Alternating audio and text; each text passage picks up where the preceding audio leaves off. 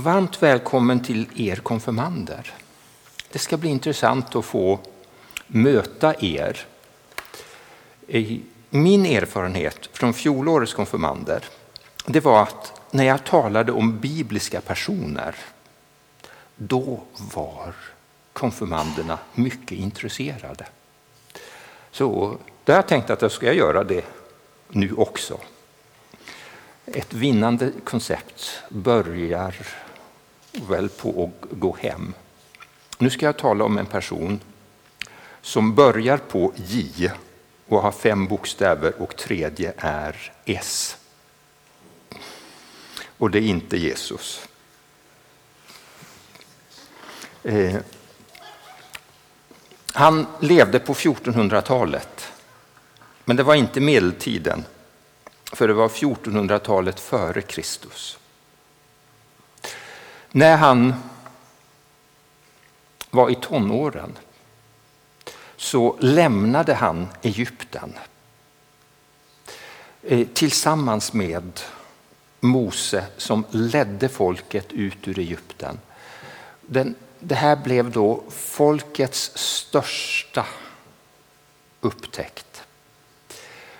Vi ska eh, förflytta oss till ett tillfälle under, under ökenvandringen. Det var väl så att han var en bit över 20 när det här inträffade. Vi ska läsa det som är andra årgångens gammaltestamentliga läsning för femte söndagen efter trettonde dagen. Och ni som är vana att slå i psalmböcker vet precis vilken sida ni ska slå upp det. Eh, jag eh, kommer då att läsa den här texten och säga någonting utifrån det. Är det någon som har hittat sidnumret? 1328. 1329, bra. Mose gick ut och talade om för folket vad Herren hade sagt. Han samlade 70 av folkets äldste och lät dem ställa sig kring tältet. Då steg Herren ner i molnet och talade till honom. Han tog av anden som vilade över Mose och gav åt de sjuttio äldste. När anden kom över dem greps de av profetisk hänryckning för första och enda gången. Två män. Den ene hette Eldad och den andra Medad hade stannat kvar i lägret. Anden kom också över dem, ty de hörde till de utvalda men hade inte gått ut i tältet. Och nu greps de av profetisk hänryckning inne i lägret. En ung pojke sprang bort till Mose och talade om att Eldad och Medad profeterade i lägret. Josua, Nuns son, som hade tjänat Mose från ungdomen, vände sig då eh, till honom och sa Hejda dem, Herre. Men Mose svarade blir du kränkt på mina vägnar om ändå hela Guds, eh, hela Herrens folk vore profeter. Om Herren ändå ville låta sin ande komma över dem alla. Sedan återvände Mose till lägret tillsammans med Israels äldste. Så lyder Herrens ord. Gud, vi tackar dig.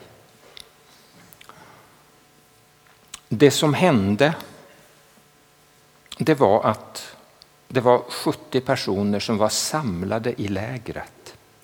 Och Det kan bli så här när vi är samlade runt Gud så kan vi börja tänka i andra banor.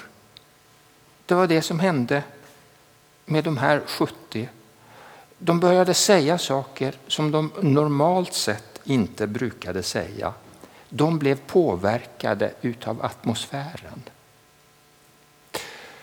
Och det blev också de här två, Eldad och Medad.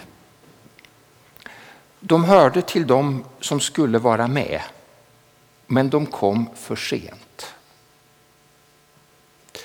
Och där kom då vännen av ordning. Vännen av ordning hette Josua. Josua hade då varit tillsammans med Mose. Om jag räknar rätt så uppskattas det att han var 19 år gammal när Israels folk gick ut ur Egypten. 19 år gammal när buden gavs på Sinai berg. Och så under hela den här vandringen så var han en entusiastisk medarbetare till Mose. Var med och såg till att det funkade.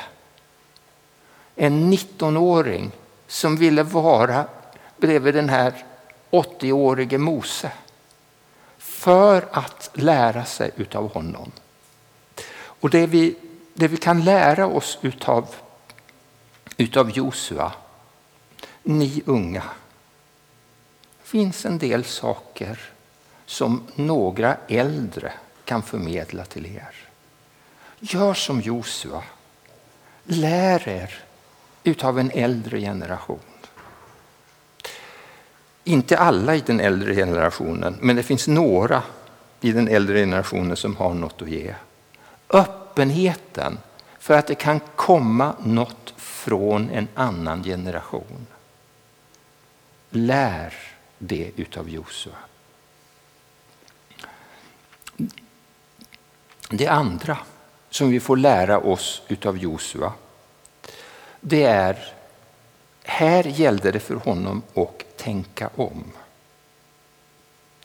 Han hade då vandrat tillsammans med Mose. Det var ett fyrkantigt spår. Här gällde det att vara med, här gällde det att komma i tid.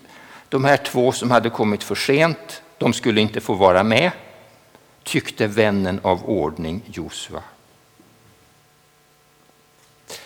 Josua, han ville ha det klart och tydligt inom en ram. Det som inte hörde ihop med den ramen, det ville han inte veta av. Mose var annorlunda. Han var intresserad utav att dra med nya människor. Josua fick lära sig utav Mose att lugna ner sig kring de här kraven på att det skulle vara ordning. Han fick lugna ner sig det sinne han hade som förde honom in i ett boxtänkande, det skulle bort. Och istället blev han öppen för att dra med nya. Det finns en person i Nya testamentet som egentligen har samma namn som Josua. Men eftersom Nya testamentet är skrivet på grekiska och det gamla på hebreiska så har det blivit Jesus.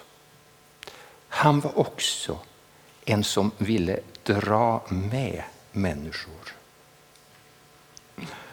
Det här med att utesluta istället för innesluta.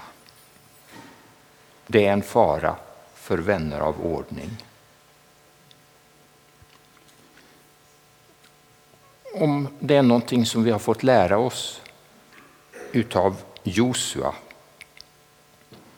eh, antingen som positivt eller som negativt exempel, som gör att vi behöver tänka, det är något i mitt liv som inte är som det skulle, så får vi be Gud om förlåtelse för det. Och så är Gud en Gud som vill inkludera, dra med och ge oss förlåtelse. Låt oss därför nu be och bekänna.